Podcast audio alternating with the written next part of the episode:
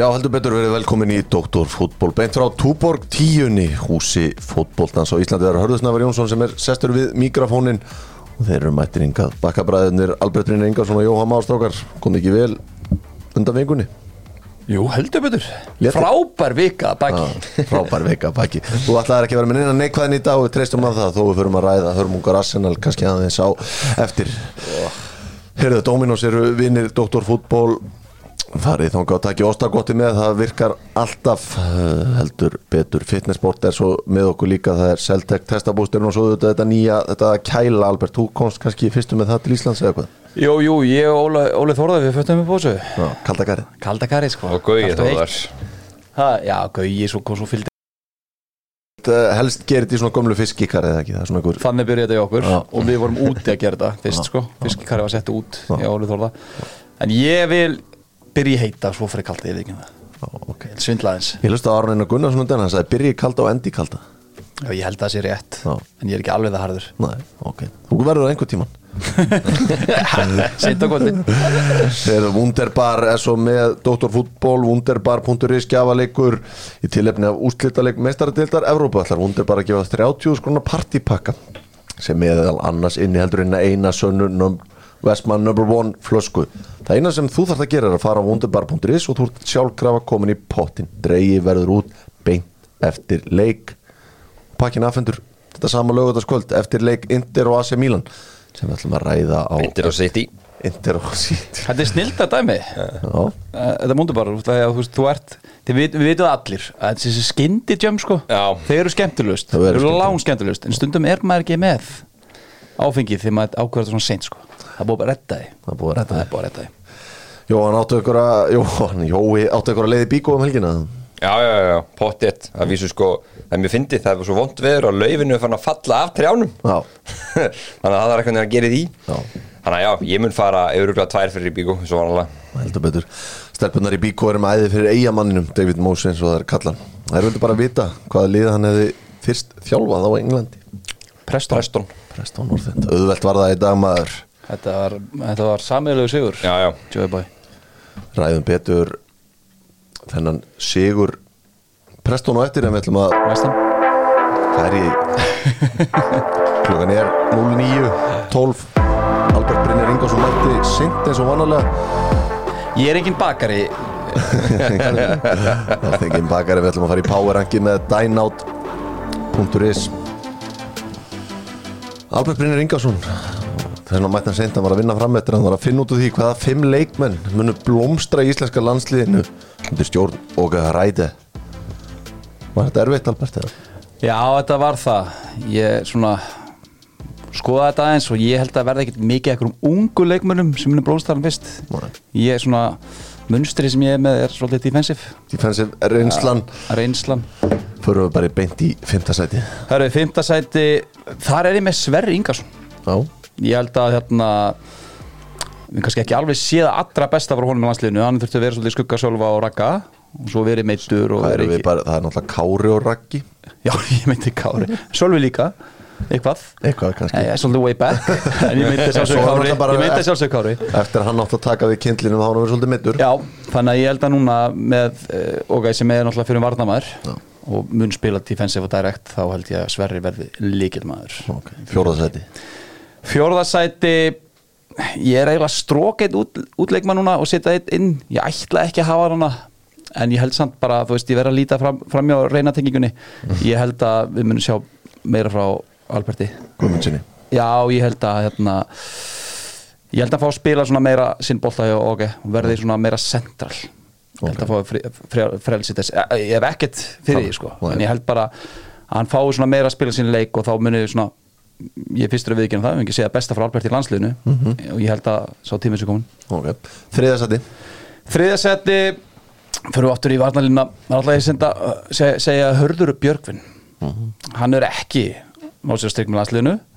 Oft illa staðsettur oft er verið spilað með veist hann ekki testakur í hafsendum og ég held að hann verði settur vinstar með núna. Og ég held að OK muni sko agan til. Hann til aga Já, hörðu áttu þetta kom sterkur inn í landslið til að byrja með. Já. flottur hann í kringum háan 2018 en svo bara kannski eins og margir aðrir í þessu landslið það er við 28 En hann er undanfarið bara, hefði svo oft verið svo slögt á hann Já. og ég held að hann sko, ok, ég held að hann komist ekkit upp með það hann verður tekin vel fyrir sko, þetta er oft svona, þú ert frammeri í liði og fyrir þjál, þjálfariðinni fyrir um frammeri þá er hann miklu meira bakinaður þannig að hann verður alveg á varnamennunum Ok, Hann þarf að vera leitói Já, annarsæti. ætla ég að hendi í Valgeir Lundal Ok, ég held að hann, það er svona ungi gærin sem ég held að minnst ég upp. Hópurinn bar kannski þess að hann ætlar að mögulega bara henda honum strax inn í vinstirbækurinn Já, eða, þú veist, gæti ekki hörðu bara verið vinstarmegin og, Valgeir hægramenn Hvað ætlar að setja Guðlu Viktor þá í hafsendin með Sverri? Sveri, já. Ok, það er alveg möguleiki. Ég gæti líka séð, þú veist, Það maður er gæti alveg eiginlega- hæði í því þeirri varnalínu Ég gæti alveg sett sko Valgeir hérna í nummer 2 í þessu lista og sett nánast Alfons samstitt bara með honum hann sko Já, já. Hvort það verður sko, Alfons hefur ekkert sitt með landsliðinu. Nei, Þannig en, se, segjum Valgeir segjum Valgeir og þá er það number one. Number one, Westman number one. Þarna alveg alveg anstæðið að nánast alla þessu lista að henda. Já, ég, ég hef það tilfinninginu ég, ég, ég gæti trúið að við fá- sjáum hann fremstan. Ok, Já, og við verðum direkt og hann verður svona við séð með FCK hvað hann er góður að pressa. Og það er endalust vinslega sem gæja ég held að hann getur verið helviti góður í því að hlaupi svæði pressa varnarlega, opna bregðara ok. Dráður listi minna maður svona, bara svona til að rétt stinga á þeim að þegar að bladamannafundur og var í vikunni að hann talaði um Aron Einar sem miðumann hann talaði um Jóhann Berg sem miðumann Mhm. þá horfum maður á það að það er bara eitt löst pláss á miðunni í þessum slóakjuleik eftir. Já. hver heldur að pikkist með þeim tveimur Sko ég er búin að svona nánast stilla upp mínu draumaliði eins og ég myndi vel að sjá það þá, þá er ég með Albertan í hóli ég held að Albert verði í hóli Ok. og ég held að Hákon verði fremstur eða aukt og Alfred bara á, á bænum. Já. Ég held að Ég held að hann, ég held að hann sæki svolítið í kraft. Já, ég meina, Albert er alltaf komið á frábæru, frábæru tímabili. Já. og Hákon er alltaf svolítið svona kannski okkar næsti stóri leikmaður. Já, ég myndi þá kannski halda að hann færi frekar í Albert fremstan ekki að segja Albert sé ekki með lappir til að hlaupa mikið Nei, nei. en pressan hjá Hákon Já, ég er að segja, geti þetta skipt verið miklu sko. málið með, með gömlu hjálkonum hann Þetta gæti verið svolítið auðvitað, svo gæti þetta líka bara verið að þeir svona, svona bara vinna undir hvern annan sko. Já, já, já. Það voru frólitt að sjá, það er áttadagar í fyrsta landsleikin við ræ- ræðum hann betur í næstu viku. Nú ætlum við hins vegar að skoða stóru málin með einari á Wonder Vibesið góða og stóru málin í fótbolta heiminum þessa vikuna er Lionel Messi hann er maðurinn en hann er svona að draga svo út úr sviðsljósunni Jón Já, pínu lítið, tala bara sjálfur þannig hann sé svona þetta er ástæðan fyrir að farið ángað hann svona bara svona, svona halvpartir eins og sé að setjast í helgan stein Já. en allir samt að- hýrða ykkur 150 miljónir dollara fyrir þennan tveggja ára samningu við, við Inter Miami Mhm. Það er kannski áhugavert að Messi hefur mikið verið á Miami. Suður Ameríkum að hann kann vel vissi á Miami. Hann gerir það nefnilega og, og það er bara mikið tölu spænska þarna. Þannig að svona, það er kannski tungumála örðuleikarnir eru þá ekki miklir uh, upp að vissu marki allavega. Um, hann, eins og hann er átt nokkar fastegnir þarna fyrir mikið í frí. Og að komið í ljós sko að, að hann vildi fara til Barcelona. Já. en hann vildi ekki taka annað svona PSG move innan Európu ég held að þetta hafi verið svona ég held að hann sé alveg ósóttu með hvernig þetta fór allt saman og, og, og stuðnismenn PSG veist, hann veit alveg að hann gat verið betri og, og svo framvegis. En þegar það var ljóst að hérna, þeir gátu ekki fullvissa hann um það að þeir myndu skrá hann inn í þetta mjög svo stífa finance og fair play kerfi inn í spænsku úrsöldinni La Liga að þá bara sagði hann, herri, ég ætla ekki að taka þátt í ykkur bíó aftur. Nei, og talaði svona, þú veist, hann ætlaði ekki að býða í fyrsta lagi og líka ekki að vera þess valdur að Barcelona færi núna hend út bara hverjum einasta leikmanni bara til þess að koma honum inn í eitthvað launabudget. Það var þannig að það var komin einhver samningur sem þeir voru búin að reyna að hnóða saman og þá, þú veist, þurftur að losa samt leikmann fyrir yfir ykkur 80 miljónir evra á móti og örgulega þurfum að taka hennar svona enn eitt svona fjáraslan leverage eins og við vorum alltaf að tala um í, að, í fyrra, fyrra sumar. Og hann bara svona, herri, þú veist, hann ákvað bara að stíga burtu. Já. uh, hann hafði ekki áhuga á að fara til Saudi þú veist, þó að það hafi verið ofbúslegi peningar í búið þar.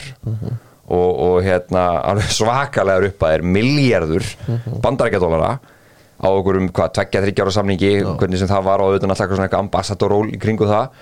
En hann fer til, fer til inn til Miami og, og þessi samningur sem er náttúrulega er, er nóðuð saman þar, þetta er náttúrulega sko ég var að skoða í gær þetta er, þetta er sko launa þakið á hverju liðir ykkur? Fjóra hálf miljón dólara svo getur þú sagt sko tilnæmt eitthvað svona þrjá leikmenn sem fá Designated player. designated players sem fá herri kjör og þá verður veginn að nóða saman einhvern díl og þá mega eru allir koma að borðinu. Og það er henni magna, það eru sko deildin sjálf er að borga með Messi í þessum samningi. Mm -hmm. takk þessi önnu liður að taka minni sneiða af einhvern sameilum tekjum svo að hann geti komið inn í deildina við höfum sér alltaf risan upp fari í MLS Þetta er svona Beckham deal. Þetta er Beckham, það var alltaf slórt þegar Slatan kom líka.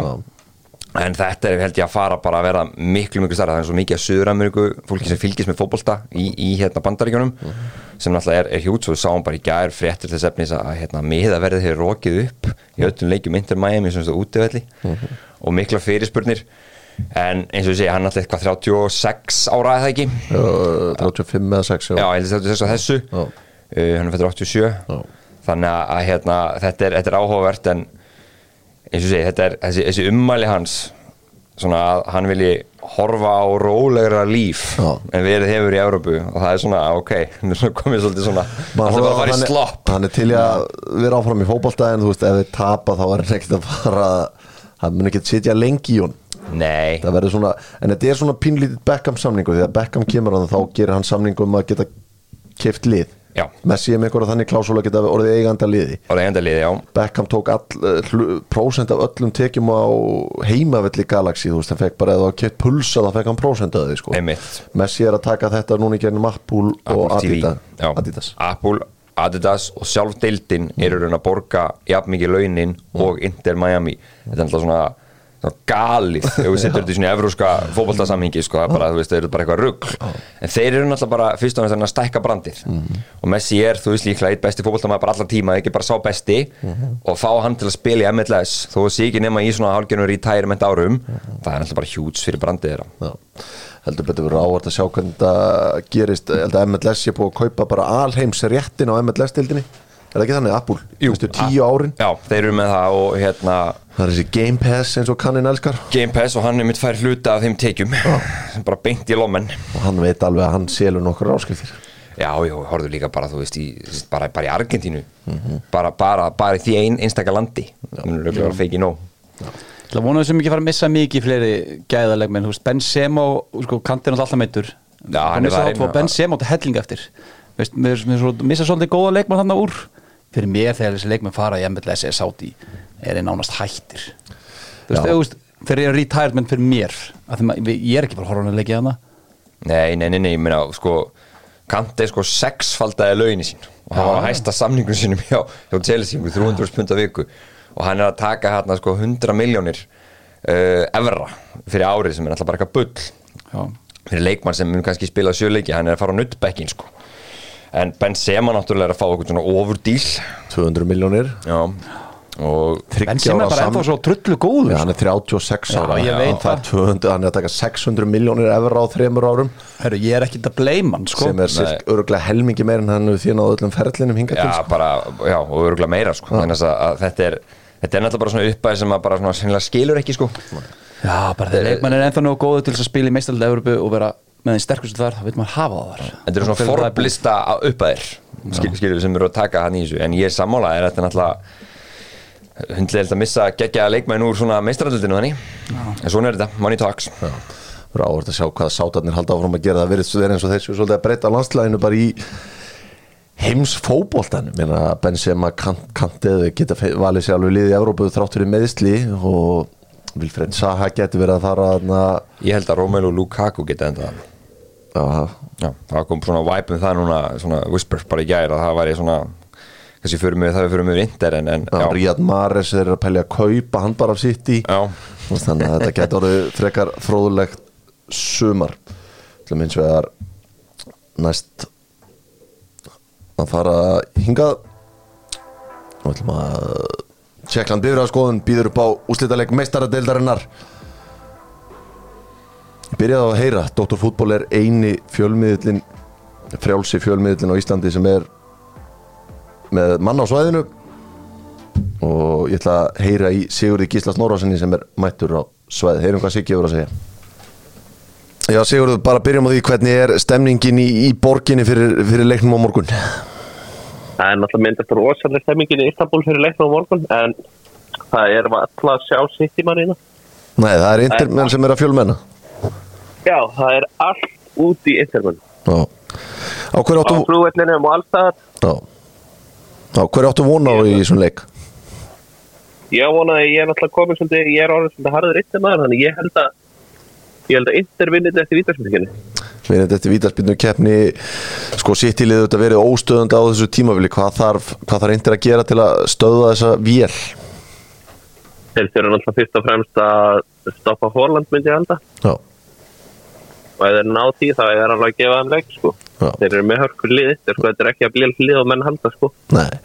Vel manna lið þetta Interlið en hvað, hvað heldur hann geri í sóknarlínunni? Heldur hann byrja með Tjeko og Lautaro eða byrja með Tjeko og Lukaku? Ég held að hann byrja með Seko og Lukaku. Já.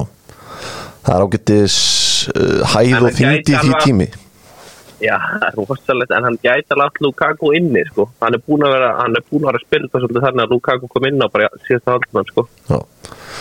Heldur betur uh, Istanbul borgin, uh, hvernig er hún að fara með ykkur? Ertu spenntur að kynna þér sögu hennar í dag? Já, við erum að fara sko, ég og Jakob Helgi erum að fara hérna á fæfa sætleikina klúða þrjú á Tyrkneskum. Það er það er í hátíðin á Íslandi. Þá er að fara hver er að spila? Það það er Setor, Kaka, Figo Roberto Carlos allir þessi helstu. og Patrik, Já. á móti Hamid Artintop og, og Hylum Já, það ætti að vera auðveldur sigur fyrir þá. Dóttorfútból auðvitað eini frjálsi fjölmiðin frá Íslandi með mann á svæðinni. Sigurður er í bestu sætunum á morgun? Hvar ég? Við erum inter megin, Já. við erum með inter fullónum, nei, við erum ekki í ykkur stöllu seti, Viti Halldórs er alltaf bestu setunum hann setur með sefurinn á vellinu sko. Hann er alltaf í leðurinu, hann, hann fer ekki á öllin ef maður Já. sittast í leður. Já, já, já, Heldur betur, uh, þú ert spáir Inter sigri, það er sem fáið sammálaði þar. Hver er, verða, hver er að fara að klára þetta fyrir Inter þá? Hver er að verða menninir sem að halda þeim inn í þessu? ef að inter skora morgun þá verður það inter seko Já, móti sínum gömlu það er bara svolítið já, Sigurður, bara takk fyrir það að verður mikið með að parala mikið með að mæla honum uh, heldur betur Sigurður. Við þökkum þeim fyrir spjallið og Já, Dr. Fútból var með Silman á úslitaleg heimsmeistara mótsins og þessu tímabili. Úslitalegur meistaradeildarinnar er á morgun. Þar sem að Manchester City er uh, sigur strangleiri þegar að Inter mætir þeim stráka. Hva, hvað fáum við að sjá á morgun í Istanbul? Þetta verður held ég ég held að City verði þú veist með 70% bólpósessun í þessum leik. Já. þú veist, Inter er alltaf að vinna þau eru að verjast til sigurs. Og svona að fá nýta stóru mómentin sem þeir fá, þú veist, 1-2 kannski hvorum hálfleik, þú veist, þetta verður þannig leikur það er það mikil gæðamunur á þessu liðum. Og, og eins og ég segi, ég held að að City er ekkert eðlilega þú veist, gýraði núna. Bara starandi framan í þessa þrennu. Þannig að ég held að þetta verði ég, ég er búin að segja að ég held ég spá bara sýtti fyrir eitthvað örgum sigri. Þú veist, eitt marki hvorum hálfleika eða eitthvað sko. En eins og segi til að reyna maður, maður, svona, maður vonast til þess að Inter gefi, gefi þessu alveg leik og þeir eru búin að fara þetta svolítið svona á öflugum varnarleik. Og eins og segi bara vel drillað fótbollalið þú veist, hann er að nota, þú veist, leikmann eins og Edin Dzeko þarna frammi bara í svona mjög tildöndum hlutur, hluturveki að vinna í kringum Lotaro Martínez með vangbakkarna Dumfries og hérna Di Marco. Þetta er svona, þetta er vel uppsett lið en eins og segi, gæðin. Þeir, þeir sko aðal svona sóknarætta intermanna er náttúrulega vinstri hliðin í uppspili. Di Marco og Bastoni er þar saman. Bastoni er sko í uppspili þegar hann raun og veru bara sem vinstri bakur. Og hann er með mikið að fyrirgjöfum. En Di Marco er sá sem er að dæla eins og boltum inn. Þannig að það er opglega svo hlið sem að sitt í munin að loka á í uppspili á þeim. Og samanskapi munin að sækja á sko, sko hérna á hægri hlið intermanna. Á Hærli City Nei, inter, Er það- intermanna. Já, City farið þangað. Já, ég held að þú veist, þá ertu með sko Já. og þú ert raunur með fyrir um United mann Darmian það er, það er svona veikari hliðin þeirra klálega það er sko talað, þú veist, það er lenga líkur á því en, en þú veist, Skrinjar er ekki búin að segja hans fyrir ekki með að hann er í hópnum. Þú veist, hann hefur ekki spilað mjög lengi en- Þetta verður að Serbi, uh, Darmian og- og Ba- Bastoni í þriggja-afsendingakerfi. Það er alveg, það er auðvitað, sko, en svo er spurningu að verður á miðunni hvort að Mkhitaryan sem hann hefur ekkert spilað síðan í undanúrstunum hann er búin að vera eitthvað meittur hann segir sjálfur hans er klár sko, en ég, ég hugsa Kalanúglu Já, ég sammála því, en það er rauninni hann, hann var alltaf að byrja undan Brozovic í undanúrslunum hann, hann hérna Mkhitaryan sem sko miðjumæður allt undir þessu hlutverkamæður svona þekkja nýjur ennskóðslutinni sko. Og skoraði. Og skoraði klálega og bara var góður. Uh, en ég, held- ég held að þetta verði Dzeko og Martínez alltaf Já, Lautaro. Já. sjóðandi heitur. Eftir Já, að hann skoraði þetta mark mútið Benfica í, í setnilutnum Þetta er bara svona gæi. Hann verður bara ískaldur þegar hann dettur á eins og fórmi Svo það er úst, mark fyrir hans, brey, hans leik breytir svo miklu. Hann er svona confidence player sem Lukaku er líka. Já, já, já. En Lukaku hefur ekki byrjað neitt einasta leik í meistaldinni Hann er fárálega gott markareisjó sko. Sem er þrjú mörk í, í meistaldinni á 144 mínúndum eða eitthvað. Og, og mun spila alveg hlutur kemur í þessu leik sko. Já, já, já. Það, það, er alveg, alveg klárt en, en þetta er hérna sitt í megin, það verður bara þetta klassiska lið sem við séð spila stóru leikina. Bernardo Silva og Grílis í þessum svona vanglutverkum, Stónstetturinn á miðjunum með Rodri. Volker Díaz Akanji Já, sko málið er með City sko Inter, eins og það sem þeir hafa gert vel í útilegjum í þessum meistarið mútið Porto og þú veist, og í leikinu mútið Milan og Benfica. Þeir bara, þeir loka um leið þegar boltin kemur hann um miðsæð og bara þjarmaður að þeim og vilja, þeir leifa liðum að spila út í vitina. Jaha. og en þeir hafa ekki mætt liði sem er já góðir í að leysa þessa pressu og City sem er Stone sem kemur inn á miðinni yfirtölu. Og það er allt í lægi fyrir City. Þeir fara upp með fimmenn og það er alltaf hlaup milli hafsenda. Þannig að annarkort þurfa eindir meina að loka þessum hlaupum sem opna þá svæði til þess að setja hann á grílis í einn og eitt stöð mm. þeir eru bara með svo mörg svör. Já, já. ég get alveg sé að trekki trekki gerast að grílis sé að fá svæði til þess að keira Dúmfrís og Darmian og Guð blessi eindir meina þá. Já, já, svo bara þessi, þessi setni bylgjulegu frá bæði til Bróinu og, og Dungundogan þá inn í tegin, þú veist að því Holland verður, þú veist, með, með tvo áhórum náttúrulega allan tíman, þú veist, Akerbi og Bastóni verður með hann alltaf í fanginu. Já, já. þannig að þú veist, þetta verður þetta Ég, ég held samt að þetta verði jafnlegur Ok, Ég vona það. sér rétt hjá þér Ég held að, ég meina Hvaða lið á Englandi hefur hérna Pep svolítið erut með? Brentford. Já, ég að tala um Er það ekki? Þú myndi ekki það segja eru þessu svona bókilið hans. ítalskasta lið í dildinni Það undir var hann alltaf bara Antonio Conte sem bara á ennþá hlutabréf kerfi. í þessu indeliði sko. Jó, e, þú þekkir það þegar að Guardiola reynir að vera sniður í úslítalegmestaradeildanar 21 Já, já, sleppið að reyna að vera sniður þetta skiptið? Það var í gali að myndi hérna hrista Bara eitthvað í þessu, í byrjanliði sínu. Maður veit aldrei með hans þá var náttúrulega kannski, svo ykkur sem muni ekki þá náttúrulega tók hann út Fernandinho sem þá var að spila sem þú með þeim og setti ekki Rodri inn. Heldur við rauninni tróð og störling í liðið. Já, og var með hvað Gundokon og De Bruyne bara sem svona setjandi miðumenn og letir rauninni Sinchenko koma inn á miðuna úr vinstarbækurinu eins og hann var svo sem oft, ofta að gera en hann var ekki með þetta akkeri á miðunni og hérna City voru ekkert svolítið líki sjálfum sér hérna sérstaklega í fyriralveg með þeim leik. Chelsea komast yfir og svo heldur Chelsea út í setni þannig að það var svolítið svona það var, var feil hjá honum. Eh, en ég held að hann hafi brust Peppi alltaf líka alltaf að læra. Og þetta kerfi sem hann smíðaði núna einhvern mann sko eftir háa alltaf bara, þetta er alltaf bara eitthvað rugl sko það, er, það hefur eiginlega enginn fundið leið til að verjast þessu almennilega.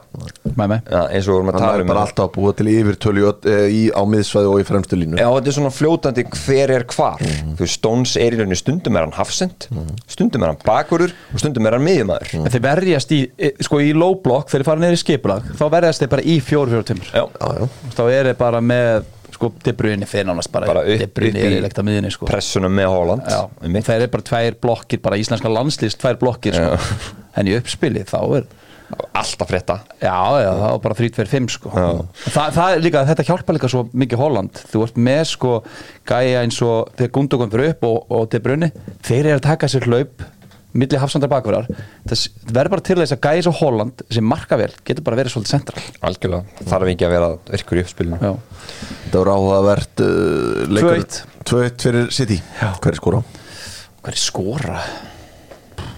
þú ert gerfigrindi nú átt að vita Já. þetta Herðu, Gundogan skorar Já. og Holland skorar úr viti það verður úslitamarkið umdelt viti hendi, eitthvað svona bull. Já, var, var hendi Var hendi. Já, en eh, ég ætla að baka út, ég held að mikið tarjan byrji. Þótt hann sem búin að tæpur með minnir að þetta hafi komið upp líka fyrir í vetur í meistaldinni mikið tarjan var búin að vera meittur svo var hann klár rétt fyrir leik og hann sett hann inn. Og þeir eru bara þessi þrýr eru bara búin að vera svo öflur saman í þessum leikjum að ég held hann gamble alveg á hann til að byrja með og ef hann er off þá tekur hann út af. Það er svona búið að í að því Já. í svona þessum ítlensku miðlum að hann, hann muni byrja ef hann er bara nok- nokkuð neginn klár. Kannski aðeins með Inter en þess að þeir eru sko ég held að fólk átti sig ekki á því hversu ótrúlega bara miklum skítamálum þeir eru í. Jafnvel þú er vinnið en að leika á morgun. Þeir skulda yfir 900 miljónir hérna dollara Ok. og kínverðin sem á það að hafa sko gert margin call á hann í, í hérna banka og skuldabrifin sem hann var með. Já, ég sá það. Hann er bara eiginlega annars bara, bara kúplus út úr þessu. Þeir eru með lán hjá Oaktree Capital sem er rauninni banderisku vofunarsjóður sem þurfa að borga 350 miljonir dollara með vöxtum núna fyrir næsta tímabil.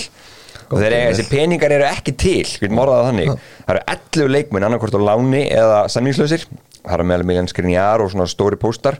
Og þeir geta ekki sami við aftur. Nú er þetta í kjörum, þeir eru að byggja nýja völl þarna með Milan, nýja San Siro. Og þeir skulda gett mikið í því.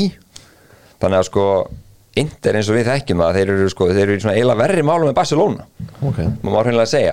Þannig að þetta lið, sama hvað verður um hennar leik það mun svolítið bara svona fara svolítið í sundur held ég á næst tíðanbili, nema að koma einhver Nýreigandi inn. frá Sáti eða eitthvað Já. sko, og það, hann vil bara fá svo mikið pening svo kýmverski, Sang held ég hann heita alveg örugglega. Steven Chang. Já. það er áhært um að þá geta það glimt ég að uh, kaupa Lukaku í sumar. Þeir vantilega þurfa þá bara að losa budget bara eins, eins mikið og þau geta. Já, það, það er líklega þannig og þú veist, við munum fá þetta ágætis peninga inn núna en, en þetta er bara svo, þetta er svo gigantíka tölur. Þeir eru búin að tapa, töpu, sem strax síðasta rekstar ár það er 430 miljónir dollara. Þetta er bara svona, svona galið. En geggjaður tímpútur fyrir sko að að þessi leikur sé bara, þú veist, Inter er bara heitastæli í Ítali í dag. Já. Þeir eru búin að vinna 11 þessu 12 og þú veist, hún að fá bestæli í Englandi á móti heitastæli í Ítali Þetta verður- Simone Inzaghi er hörkuð þjálfari. Hann er, er útslátt að keppnist þjálfari. Hann Já. er byggarþjálfari, hvað er búin að vinna Copa Italia þrísasunum Já. og tvisa myndir og eins og með Vasjó og hann drillar. Hann drillar vel. Hann drillar vel. Kann að setja upp í eitt leik. Já. og það verður frólægt að sjá hvað gerist á morgun í Istanbul Færum okkur þá hingað heim íslenski boltinn með kjarnafæði. Heldur betur fjör í íslenska boltanum auðvitað kemur frí í bestu deildin eftir helgina þegar að landsleikja fríið byrjar en kannski stóra fréttin úr íslenska boltanum þessa vikuna er Steinn Þór Freyr Þorsteins og leikmaður Káa sem hefur verið kærður af knaspindusamband Íslands fyrir brota veðmálalögum strákar, þetta er svona þetta er að færast í aukana þetta fyrsta málið kom upp í sögunni hérna fyrir á þessu ári. Með bondaranum okkar. Já, og núna er Steinn Þór að býða eftir sínu banni sem að væntalega útilokkar hann frá þessu tímabili allavega. Já, já, kannski í rauninni svona með allri viðingu fyrir bondaranum okkar kannski stærri prófíl á sniður náttúrulega landslismæður og aðfyrir maturumæður og veit ég hvað hann á marga leiki eftir deild. Um, þetta er náttúrulega bara þú veist það er hérna þessi, þessi hérna staðfist að hann er veðið þá á ein lið þú veist og uppæðnar ekki verið háar þá samt gerða það. Og það er svolítið svona allavega er maður sjálfur svona að dreiga maður svolítið línuna í svolítið saman varandi refsingar. Um, þannig að, hann þannig alltaf bara þá að, eins og með skilst að hann er alltaf bara tilkynnt liðsfylgju sem mynda á og svo framvis og mun taka aflegum gjöra sinna. En mér varst Keli kjarnaðis umræða ágætlega á Twitter í gær hann tala um svona hvernig, hvernig regluverki að vera í kringum þetta vegna þess að þú ert ekki ennum professional samningi og ekki að spila í rauninni í þessum efstu deildum og ert í rauninni bara í 9 to 5 og kemur svo æfingu þrísar í viku mm. neðri deildum, þú veist að þá ertu í rauninni þú megið setja okkur á lí- lítinn seðil þú, bara ekki á eigin liði. Þú veist, mér varst það svona veist, regluverkið er held ég held að séu mjög margir rángstæðir í þessu eins og við fórum inn á hérna um, um daginn Já, já, ég held mununum kannski ég, jú, tala um Steinþór stærri prófíl allt það en Steinþór er bara, veist, þetta verður að búkla til þess að leggja bara skona hilluna sko 37 ára Já, hann er bara nánast búið með fyrirlin sko. Ég- ég er sammála því, ég er ekki hvort, veit ekki hvort að þetta hefur sennilega spilað inn í að hann sé ekkert búin að vera í hóp sko.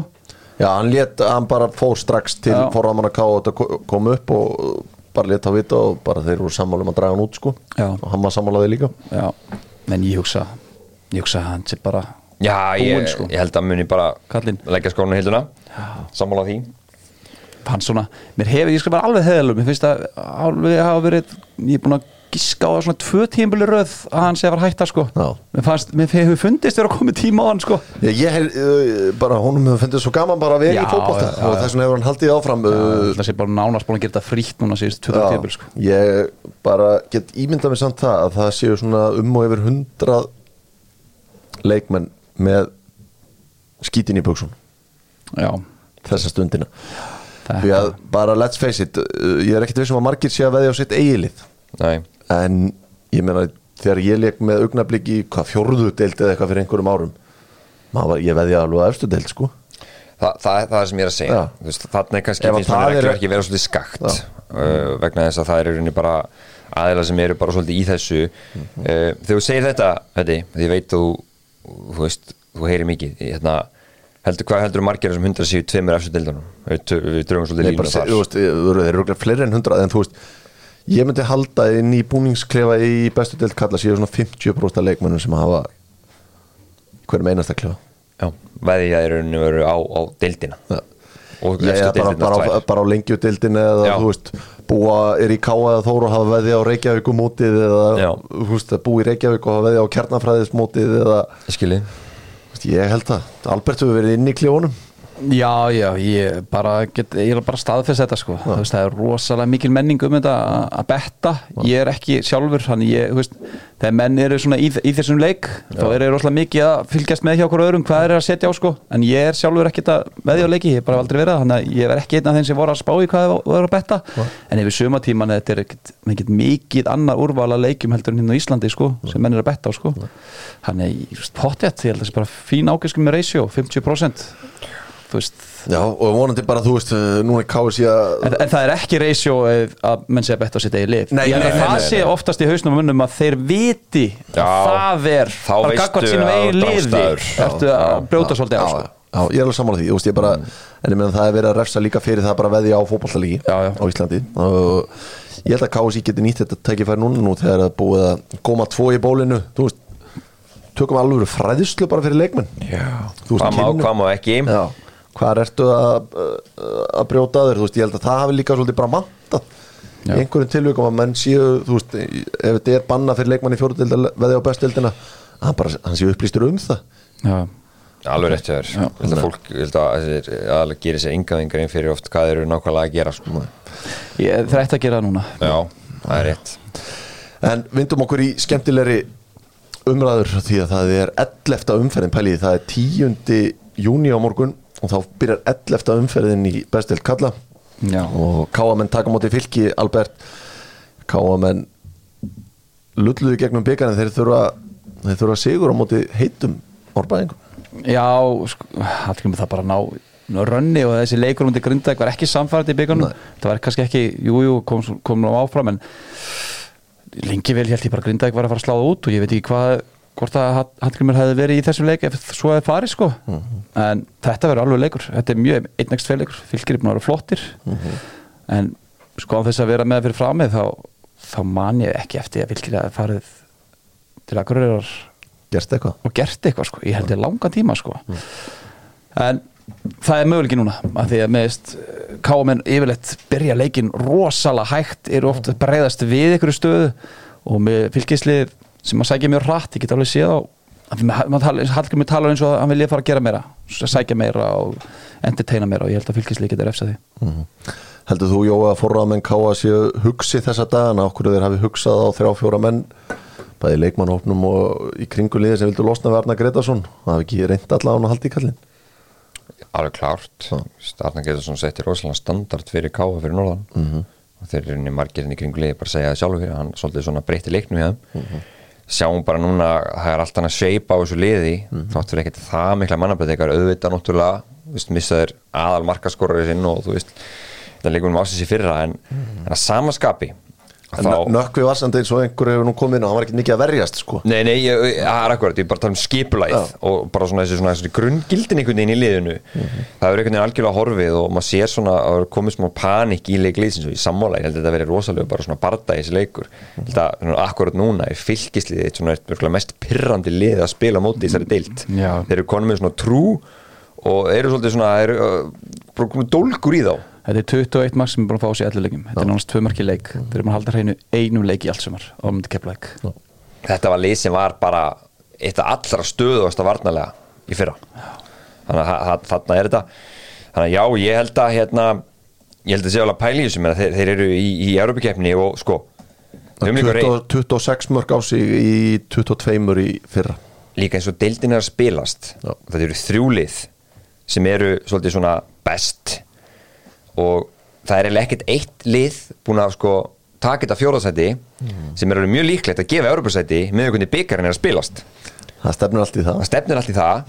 Þannig að sko það er ennþá sko þetta fjóðarsæti er bara, myndi ég segja bara afro grabs. Já, já, algjörlega. Og, og káa með vita það. Þannig að þeir sko þeir get ekki leifst þeir að vera svona slakir áfram. Þannig að þeir eru klálega að hugsa sem að fjóra og fynda besta lið. Það er líka öll liðin fyrir neðan þrjú efstu lið Við getum bara sagt að ég, að ég nánast, þú veist, maður sér eiginlega ekkert að þessum liðum fara okkur massíft rönn og sína einhvern massíðan stöðuleika Þannig að ég held að þetta fjóraðsætti verið opið bara lengi vel. Svona best of the rest einhvern veginn. K.A. Háka sem voru þannig að þau eru bara með eitt sigur bæði í síðustu fimm leikjum. Þú veist, FH svona hefur verið aðeins að stígu upp í þessu. Svo veit maður ekki hvort að K.A.ringarnir geti bankað eitthvað upp. Sjáum hvað gerist. K.A.ringar taka mútið K.A.ringar auðvitað flugin í undanúslitin eftir framlegging á mútið stjórnun í vikunni. Eigamennu síðasta leiki dildinni sannfarandi Albert. Já, hvernig, hvað gerist í Vesturbænum á morgun? Eiga eigamenn einhvern breyk Já algjörlega, menn að Káur er búin að spila hana núna, hvað, unnu stjórnunni í byggunum og er búin að spila tvo deildalegi Yðna sigur á móti stjórnunni 1-0 í maður rétt og 0 tapundi breyðblik Já. Og það sem þeir hafa unnið á móti stjórnunni og breyðblik er að það eru tvö lið sem vilja svolítið spila fótbolta og þeir hafa bara farið svolítið í þjættir og, og alveg þannig það. eru komið eigamenn sem hafa verið að taka sínstig og sínum heimalli akkur þannig. Þannig að just, ég geti alveg sé eigamenn ná okkur út úr þessum leik þótt að útivallar rekordið þeirra, ég held að unni kepla ekki útivalli en bara frá því fyrra og þessu tímuli er ekki gott. Þá er þetta svo útivallur sem mætti að henda þeim best upp á þeirra leikstíl og þeirra heldur betur tefli. ég get alveg kvittandi það Bæði K.A. Fylgir og K.A. IBF fyrir klukkan 2 á morgun en klukkan 3 er endur tekið efni frá áttalegu byggarsins þegar að blikarnir fara nú í kaplakrikan það sem að F.O.ingar sullin stigum jói þannig að þeim líður vel þannig að líður betur þannig en á rennislettu rennisleitu græsinu, algjörlega þetta er hérna, það er þú veist, það er orðin á svona ágætis fílgutfaktum finnst, finnst mér yfir FH bara mjög góður. Já, og þeir svona einhvern veginn hafa tekist að, að svona þetta ömulega tímabili hafa mig fyrra svona, tekist að svona reynsa aðeins burt og heimir bara að standa sér bara drullu vel. Klukkin, klukkin mörg stig. Já. það get endil alltaf verið gett sannfærandinn á vellinum nei. en hafa fengið mikið út úr þú veist, hérna, Kjartan Henry Úlfi hérna frammi. Kjartan Kári var alltaf koma meira og meira inn í þetta. Já. Út í hægra megin. Það er svona leikmaður sem að bara saknaði einhvern veginn í sinns leikmannhópa þegar mistu Jónatan út. Í aðtunumönskuna um, Logir hafn flottur en, en eins og segi, mér vist hérna mér splikarnir, þeir, þeir náttúrulega bara eru á þessu rönni og þeir vita að þeir megi ekki misti að sig neitt, þetta er einhvern veginn orðið þannig.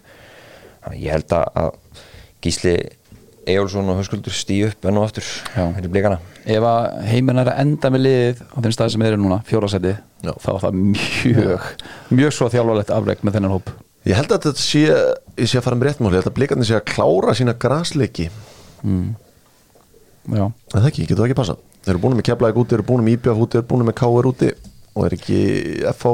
bara fjórða grasliðið það? Lilla óefnir að þurfa að gera það allt bara á fyrstu viku mótsins. Fyrstu viku mótsins, það- þeir eru búin að víga alla þessa vett Já, Já, og K.R. svona koma honum í stand fyrir Já, fyrir finnst Það þetta var skipta- skipta- þetta bara skilurðu þetta skipta allt og miklu máli þegar, þegar tekið upp á hattinum í logmóts mér finnst þetta skipta allt og miklu máli. Mér finnst þetta þurfa það þarf að vera settur herri standard hvort að vellir sig klárar ekki. Þú veist, ef við ætlum að byrja mótin svo snemma þá það bara vera sagt, herðu, við komum inn að það er að vera hægt að spila góðan fótballtæðina í það minnsta allt í læg fótballtæð, ekki bara eitthvað bull eins og við séum meistarvöllum og þessum græsvöllum til að byrja með.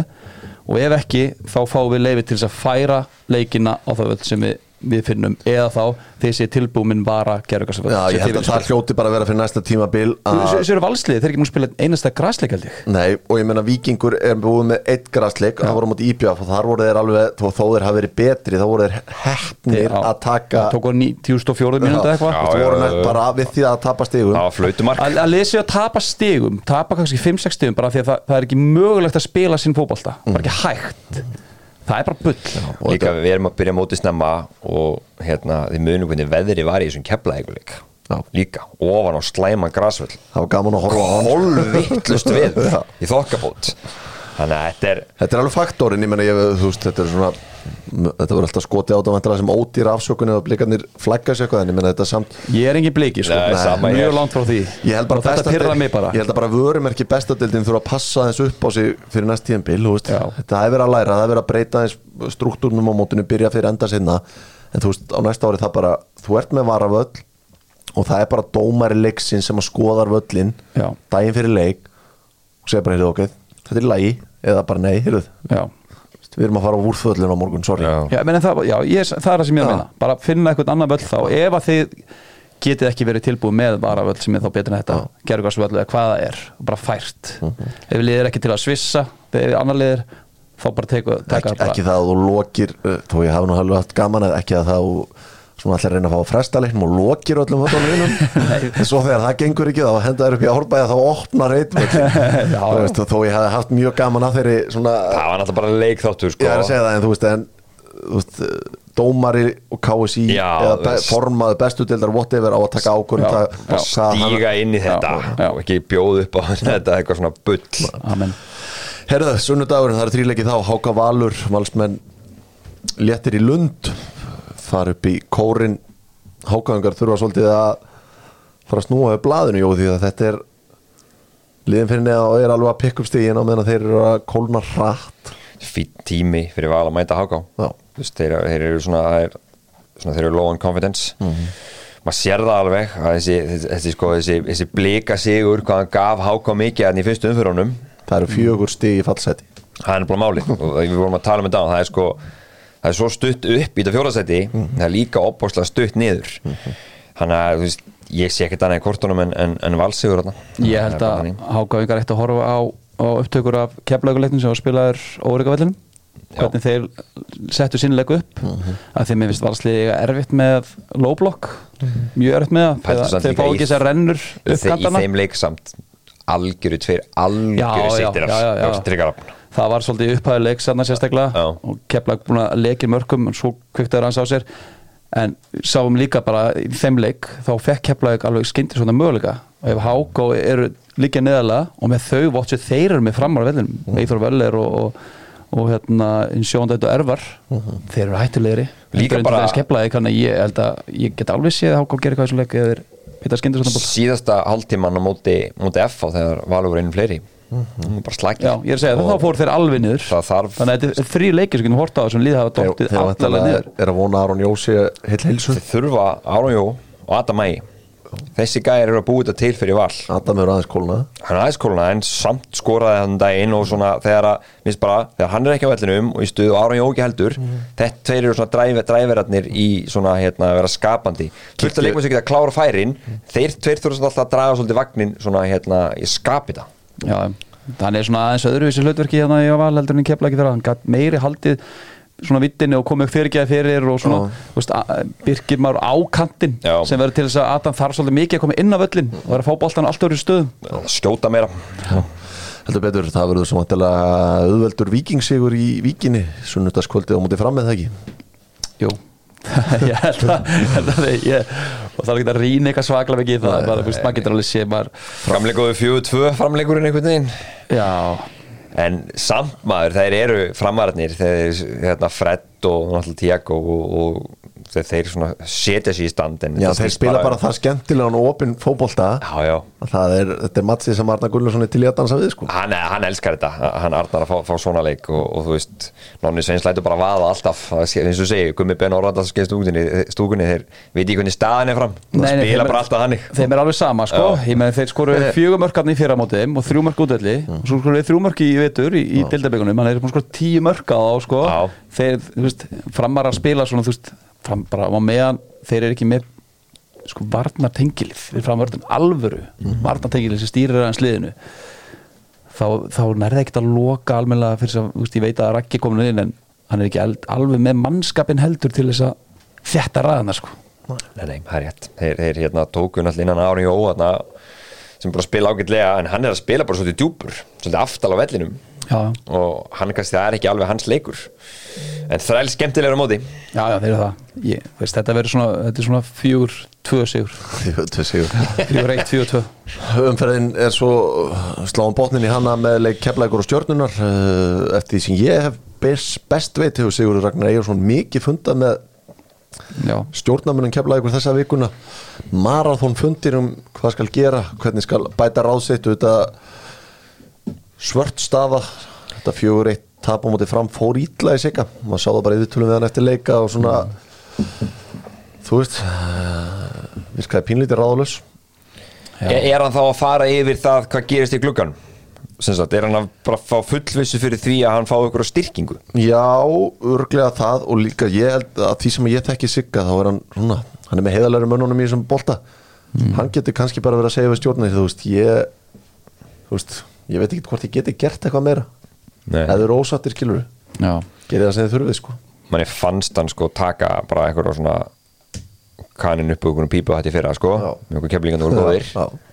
um, þú veist þú vinnur ekki Eurojackpot tvis, nýju leikmenn eitthvað úr byrjuninu sem fóru hvað þetta var enga með stænda væntingum við farið yfir þetta áður. Og ég meina ég er sammálar kannski, ég sagði það hérna, kannski er það bara vestan sem getur komið í keflæk hann sé bara, herri, ég er farin Já. þú getur sko þú getur tekið lið og drilla það vel þú veist, komið í form og drilla þá vel að þétta og verið góði varnarlega eins og hann er búin að gera í síðustu leikjum og Já, móti geggja stig á móti val og breðabli Já, en svo restin þá þarftu svolítið að treysta á gæðin fram á þið Já. sem hann gerði vel í fyrra þú veist, mér skyndur svona bolta líka. Þá varstu með gæðin fram á þið til þess að nota þessa möguleika, hann er ekki með þau. Hann er ekki með þetta, hann er ekki með Patrik Nei, þú veist, þú veist með Ljópisitt sem að veist, átti eitt ágætist tímpil með hákáðan skora sex mörg eða maður rétt. En svo ertu með Jordan Smiley sem er ekki góðu leikmaður og marga leikmenn sem er ekki búin að sanna sig neitt sko. uh, stjarnan, það hefur svona verið jákvæðni í kringum jökul en þú veist, staðan er bara ennþá nokkuð slæm. Þeir eru bara stíi fyrir ofan íbjaf sem það situr í allir sætinu að svekk fyrir á þetta út úr þessu byggar Mhm. því þú veist, Hilmar Árni klúra víti og þau voru eiginlega, mér varst eiginlega að vera betri sko. Mhm. en það er svona, mér svona finnst vera svona, mér finnst vera aðeins með að bata merkja á liðinu, hann er að koma með svona aðeins betra shape á þetta. Mhm. mér finnst sem Skummi Kristjáns frábærlega mútið káir í hæri bakverðunum uh, hérna þannig að hann er svona að ná kannski sínu, sínum svona hérna hvað sem, sí- sínu svona móti á liðinu. En þú veist, þeir eru ennþá rosalega treysta allt og mikið á Ísak. Og hvað gera með Ísak? Ísak fór meittur út af síðasta leik. Já. Ísak spilaði ekki í Vesturbænum út af slökumvellið þar. Þeir eru svolítið hlífun, hann virðist vera tæpur. Og stjarnan ekki fengið steg út af í sumar. Fjóru leikir, fjögur töp hún skor þrjú mörg hann eru konur á gras. En mér fannst þeir flottur um til káir samt sem aður Ég, ég, ég voru það, ég voru það.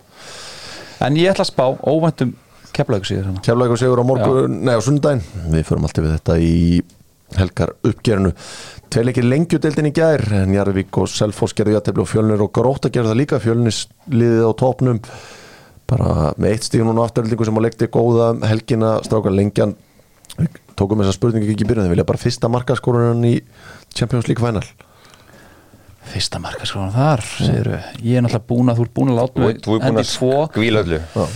Ég ætla að segja óvendur Bernardo Silva Opnið þetta. Bernard ég ætla að henda í ekki svo óvæntan Íger Gundungan Ilkay Gundogan. Ég segi Íger. Íker Casillas Gundogan. Íger Gundungan Heyrðu, ætlum þá að fara í söguna með sjóvá. Já, það var kannski nokkuð óvænt uh, þennan dag 1979 þegar Kevin Keegan ákvaða að skella sér í tónlistabransan ætlaði að verða popstjarna. Hann náði ekki alveg að verða popstjarna en hann átti eftir að hann var góð fótballtamaður og fínasti stjóri Keegan kallinn, hann gaf út þetta lag hérna á þessum degi. Head Over Heels in Love með Kevin Keegan við skulum bara við skulum gefa Keegan orðið. Looks like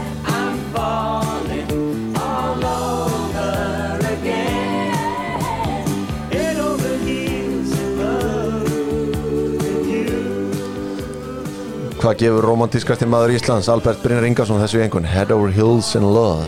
Ég hugsaði bara kona ég var að Það er ekki, ég sá það, ég fórst í Borðið Mér finnst allt í lagi, mér finnst svona má bítlavæpi yfir þessu.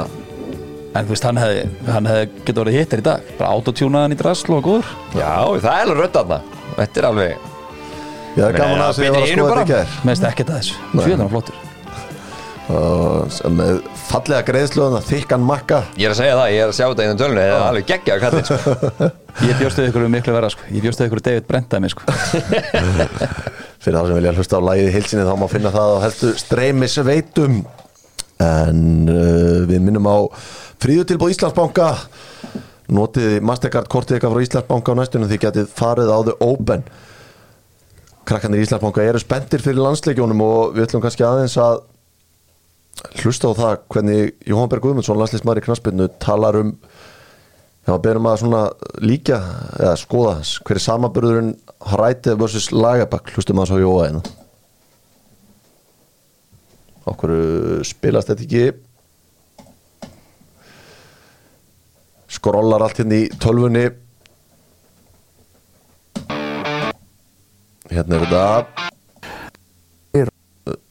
Já, ég er held- mjög, mjög gott út annars af er, hann, er hann líkur Lars eða þú veist hvernig Uh, nei, nei, hann er svo sem ekkert líkur, uh, líkur Lars, hann er, hann er auðvitað, hann veit nákvæmlega hvernig hann vil spila. Hann, uh, hann er með ákveðnar hugmyndir sem við erum byrjar að fara í gegnum uh, hvernig hann vil uh, sér glöfur í, í, í, í vörn anstæðingar og sér hvað við getum gert. Uh, hann er sem sagt bara, og svo er auðvitað bara karakter, ég meina hann er með mikið presens og, þegar hann talar þá hlusta menn og hérna gera það sem hann segir og hérna hann hefur gert þetta allt áður þannig að akkur ætti maður ekki að, hlusta á hann.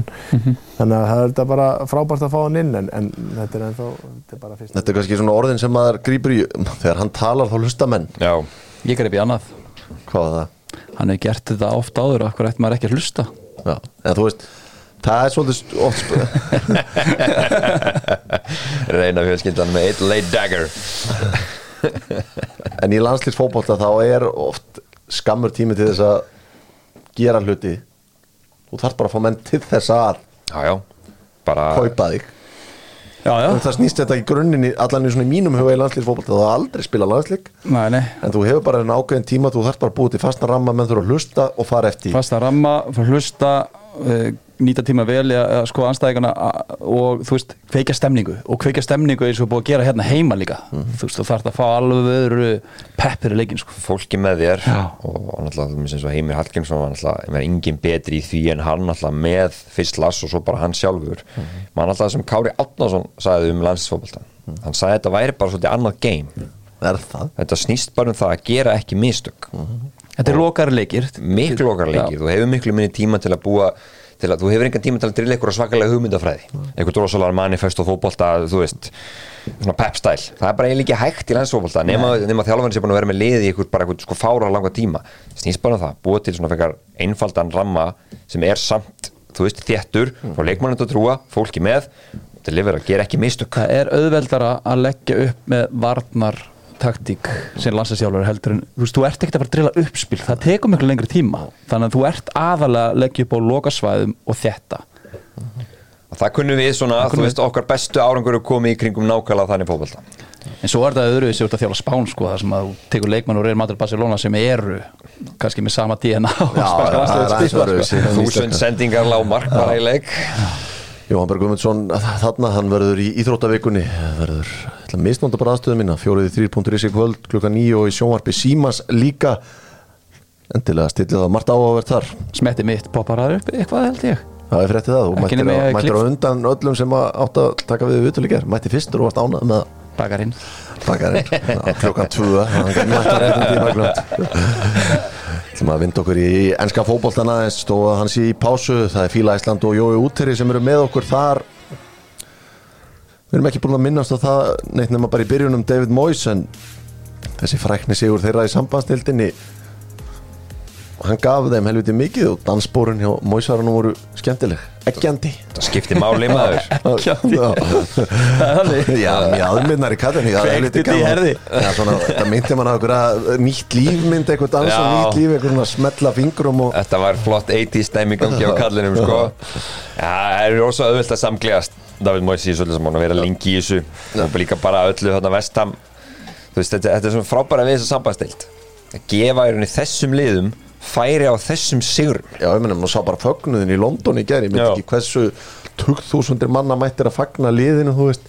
Akkurat. Já, ég var já. skeptískur á þess að sambandstild í byrjunum hún hefur bara komið skemmtilega Já, Já, svo líka þú veist þessi lifa í Englandi eftir að Pep kom sko sem eignaði þessi svolítið deildabekkarinn fyrsta árin sem að var svona mögulegi fyrir Já, lit, minni liðin síðustu sko áratögi sko til þess að, því að stóri liðin voru ekki að fókusu það.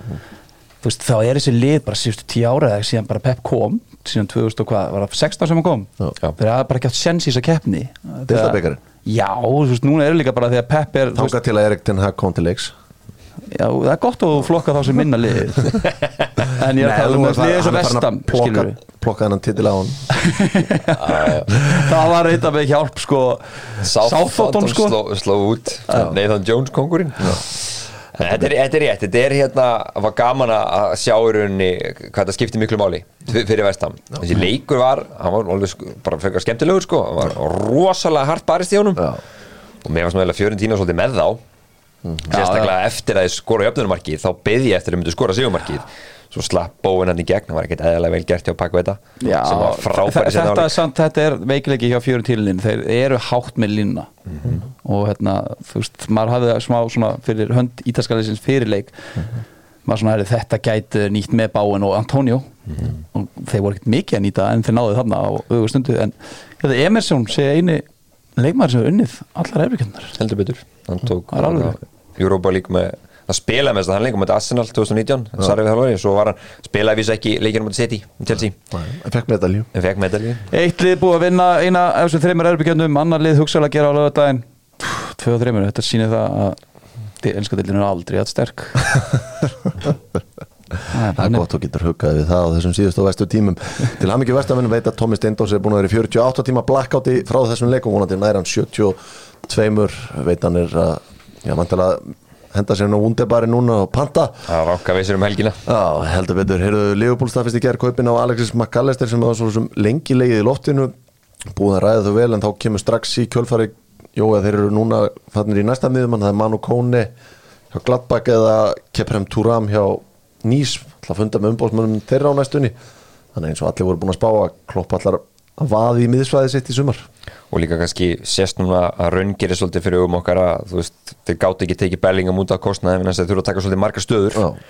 og ég held að hann sé svo meira þess að ekki hættur eftir þetta. Nei. þannig að, að frábær kaupi McAllister. Þetta er góður leikmaður. Fá hann líka á helviti fínum prís með allt og allt. Ekki 35 miljónum punta sem þessi klásfólu var á endanum. Jú, þú veist, hann bara ótrúlega, bara geggja vermiði fyrir þessi gæði sem hann hefur þannig að hann er bara, finnst mér instant upgrade á miðuna hjá Leopold og uh, já, en þú sé, ég held að að við sjáum tvo yfirbót að minnstakosti Þeir að byrja nú klukka vel. Augljóst, og bara augljóst hann er að sækja sér hlaupagetu Makalester og bæði þessir Kone og Túram, þetta eru gæði sem geta hlaupið í 90 myndu pluss tegan á milli. Og líka bara fá mörg af mismæðinu sem er búið að vanda Já. Heyrðu Declan Rice, það er búið vestan búið að gefa það út. Hann er bara farinn, svo gott sem og þeir bara búist við að tilbúin fara dettin í vikunni Arsenal er að að landa þessu eða hvað Albert Já, ég, ég hef bara, þú veist, ég er 95% vissum að að hann endi hjá okkur. Ég reyndar var það líka þegar sveikarinn Mútrík fór. En, en ég held að Declan Rice sé ekki svona ítla gefin. Hann endar hjá okkur í, Emirates. Já, og ennsku blöðin segja þá í kjölfærið sé Arsenal náttúrulega að selja Granit Xhaka en þetta hálfu ár horkinni og þeir hafa fengið nógu og og verið til í að henda honum í rusli líka Nei, það held ég ekki. Hva, Það er hvað bara hann skrifaði eitt og hálft ár? sem hann skrifaði blöðin er að segja það í morgun að Arsenal sé tilbúið að selja hann því að Mauricio Sarri ætlar að fá hann til Lazio. Já, við þá er það kannski ef, ef, ef að Sarri er alltaf tilbúin að borga eitthvað fyrir hann, veist, hann eitt ár eftir hann sem aldrei, þá kannski, en þeir, ég held að það sé ekki ástæðan sem komið nóan, hann gerði vel. Ítalsku liðin er lenga peninga sko. Þannig að ég held að hann er bara listur sko. Já, ég sé það ekki alveg gerast sko, sko ef að Sjaka er að fara þá er hugsaði, þá, þá getur verið komað tveir þrýr miðmennin sko. Róvart að sjá hvað gerist. Declan Rice er allan á förum. Miðjumenn svona virðast vera varan þetta sömarið jói því að Kovacic í City virðist færast nær og nær. Algjörlega, það er hérna kom gæra, hann hefði bara náð svona samkómalagi við þá? Við þá um kaup og kjör. Uh, hann var sjálfur náttúrulega núna að fara þessi gæjar allir í, í landslugana þá fara Já, það í opnaði viðtölu sig. heima fyrir. Þú þekkir þetta. Ísak Bergmann gerði þetta mitt hérna núna. Hann var brjálaður en hann sagði þú veit bara er búin að eiga frá, fimm frábæra frá Chelsea mjög sáttur en líklega er hann að fara. En þeir þurfa, þeir þurfa hérna að þetta fyrir verið hann. Kanti, Kovacic og það öllum líka Mount sem er að fara miðsveðan Loftus Cheek líka, það vísu kom eitthvað upp núna því Mílan, hann Maldini fór frá Mílan þá fór það allt í einu eitthvað, eitthvað uppnám. Allir leikmenn Mílan brjálaðir Rafael Leo nýbúin að skrifa undir bara og er með Já. einhverja pillur á samfélagsmiðlum. Og Mike Mannian vill ekki skrifa undir út af þessu. Nei, Það er enga, e- ekkert að frétta með Kajsætó En ekkert að koma yfir það er, líka. það er hérna það lítur að maður sem að Chelsea ætlar að taka þeir, Nei. Chelsea ætla, búin að, ætla að bjóða 70 miljónir í hann og mögulega að lána Louis Colville aftur annað ára á móti Já. En það, það er líka eitthvað umræðan um Arsenal Þetta er líka hann sko ég veit það, þarna ég heldur að sjá þess að taka á báða? Já, já, ég á meina sérstaklega ef Orginni var að fara. á ekki 200 miljónir punta í miðjumenni sem var glimtu því. Hvað heldur, hvað, hvað er að tala um að ræs úst, 70, heldur að ræsi að fara 130 Ég, 100 100 Ok, 170 miljonir, klárt. Seljar Sjaka fá, hvað, hvað er að tala um? Það er reyndi bara að tala um 15-20 hvað fyrir Já, hann. En af hverju ekki, 15. þetta er bara það sem þið þurfa. Ef að þið klára þessa tvo þá erum við miðju sko, 24 ára Ödegard, 24 ára Ræs og 21 og skæði setja Hún er bara tilbúin næstu 7-8 tímabil 7-8 tímabilinin Já, Það er- það það er flýgur hátt AI núna hérna. Þetta er eins og þú spáðir Arsenal titlinum. Hvað- Ég hvað spáði sagði- Arsenal hvað- hvað- titlinum? Eh, Ég, spyr, spyr, ég spurði þig hérna, ertu fann að dreyma? Þú sagði já, hvað sagði ég þá við þig? Í draumi sérkvært manns er fall hans falið. Já, ég sópaði því í burtu. En ég er enda verða viðkynni í síðast þetta Ég heyrði ekki að lauma að reyna hvort ég trú að Arsenal myndi vinna meistardilina Já, með er að tala um að með þessa gæja í fyrra. Enda tímur fyrir að ef Declan Rice hörður, nú er loksins komið maður með smá vitina ef Arsenal hefði með Declan Rice og einn hafsend undir lokinu fyrir að síðustu tíu leikina meistarar, hefur verið nærið allavega. Nærði þið enda fimm stöðum frá. Já, veist, það er mögulega 5 stíðin en kannski hefur bara verið duðið í 4 stíðið bótt, ég veit það ekki. Segði já að nei Já, Þú þátt að, að fá að stýra þætti þetta AI og vera Let's með go. neja já í lokin. Ok, komast ekki lengra í- núna. Nei. Komast ekki lengra í enska boltanum það er fullt af fleiri fréttum þar sem að fórum bara yfir síðar. Sem hafa hann einfaldan uh, El Grandi í þetta skiptið. Það eru bara þeir 25 leikmenn sem að og Haræti valdi í landslýsóknum Já, ok, ok, Hákon, Hver var að byrja? til í þau landslýsópin, ég ætla að lefa Jóa að byrja. Hákon Rapp Markmaður. Uh, Rúnar Alex.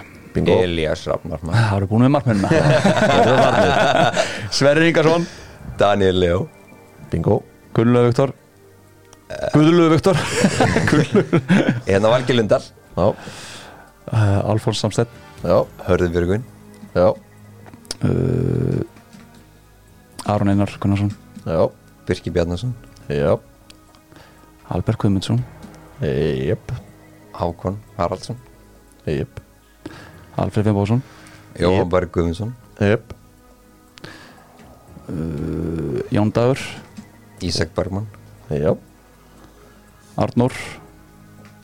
Hvað svona Dögun Traustarsson já, vel gert. Uh, Arnur Sigursson Hver er eftir maður? Hver er eftir? Ísak Bergman Ég er búinn að koma. Fjóra, Búið. fjóra sekundur uh, en mér telst til rétt þá er eftir fimm leikmenn. Willum. Já, fjórir. Alfred Finnbósson komin, það er fimm, sekund, fimm sekundir næsta. Já. Ok, byttum það er fjóri leikmenn eftir. Uh, Alfons Samtest komin, Sævar.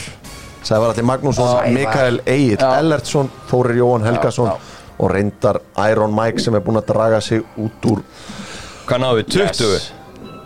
21 þetta var fínt. 25, það, já, já, ég ég svona vissi það Tekur sikkur gula hana já, ég minna, það var bara sangjant það er bara sangjart já, já Já, já Þetta er jú. Félagssöðurinn komu svo fljótt. Við þökkum fyrir okkur í dag. Verðum aftur hér eftir helgi þanga til. Verið þið sæl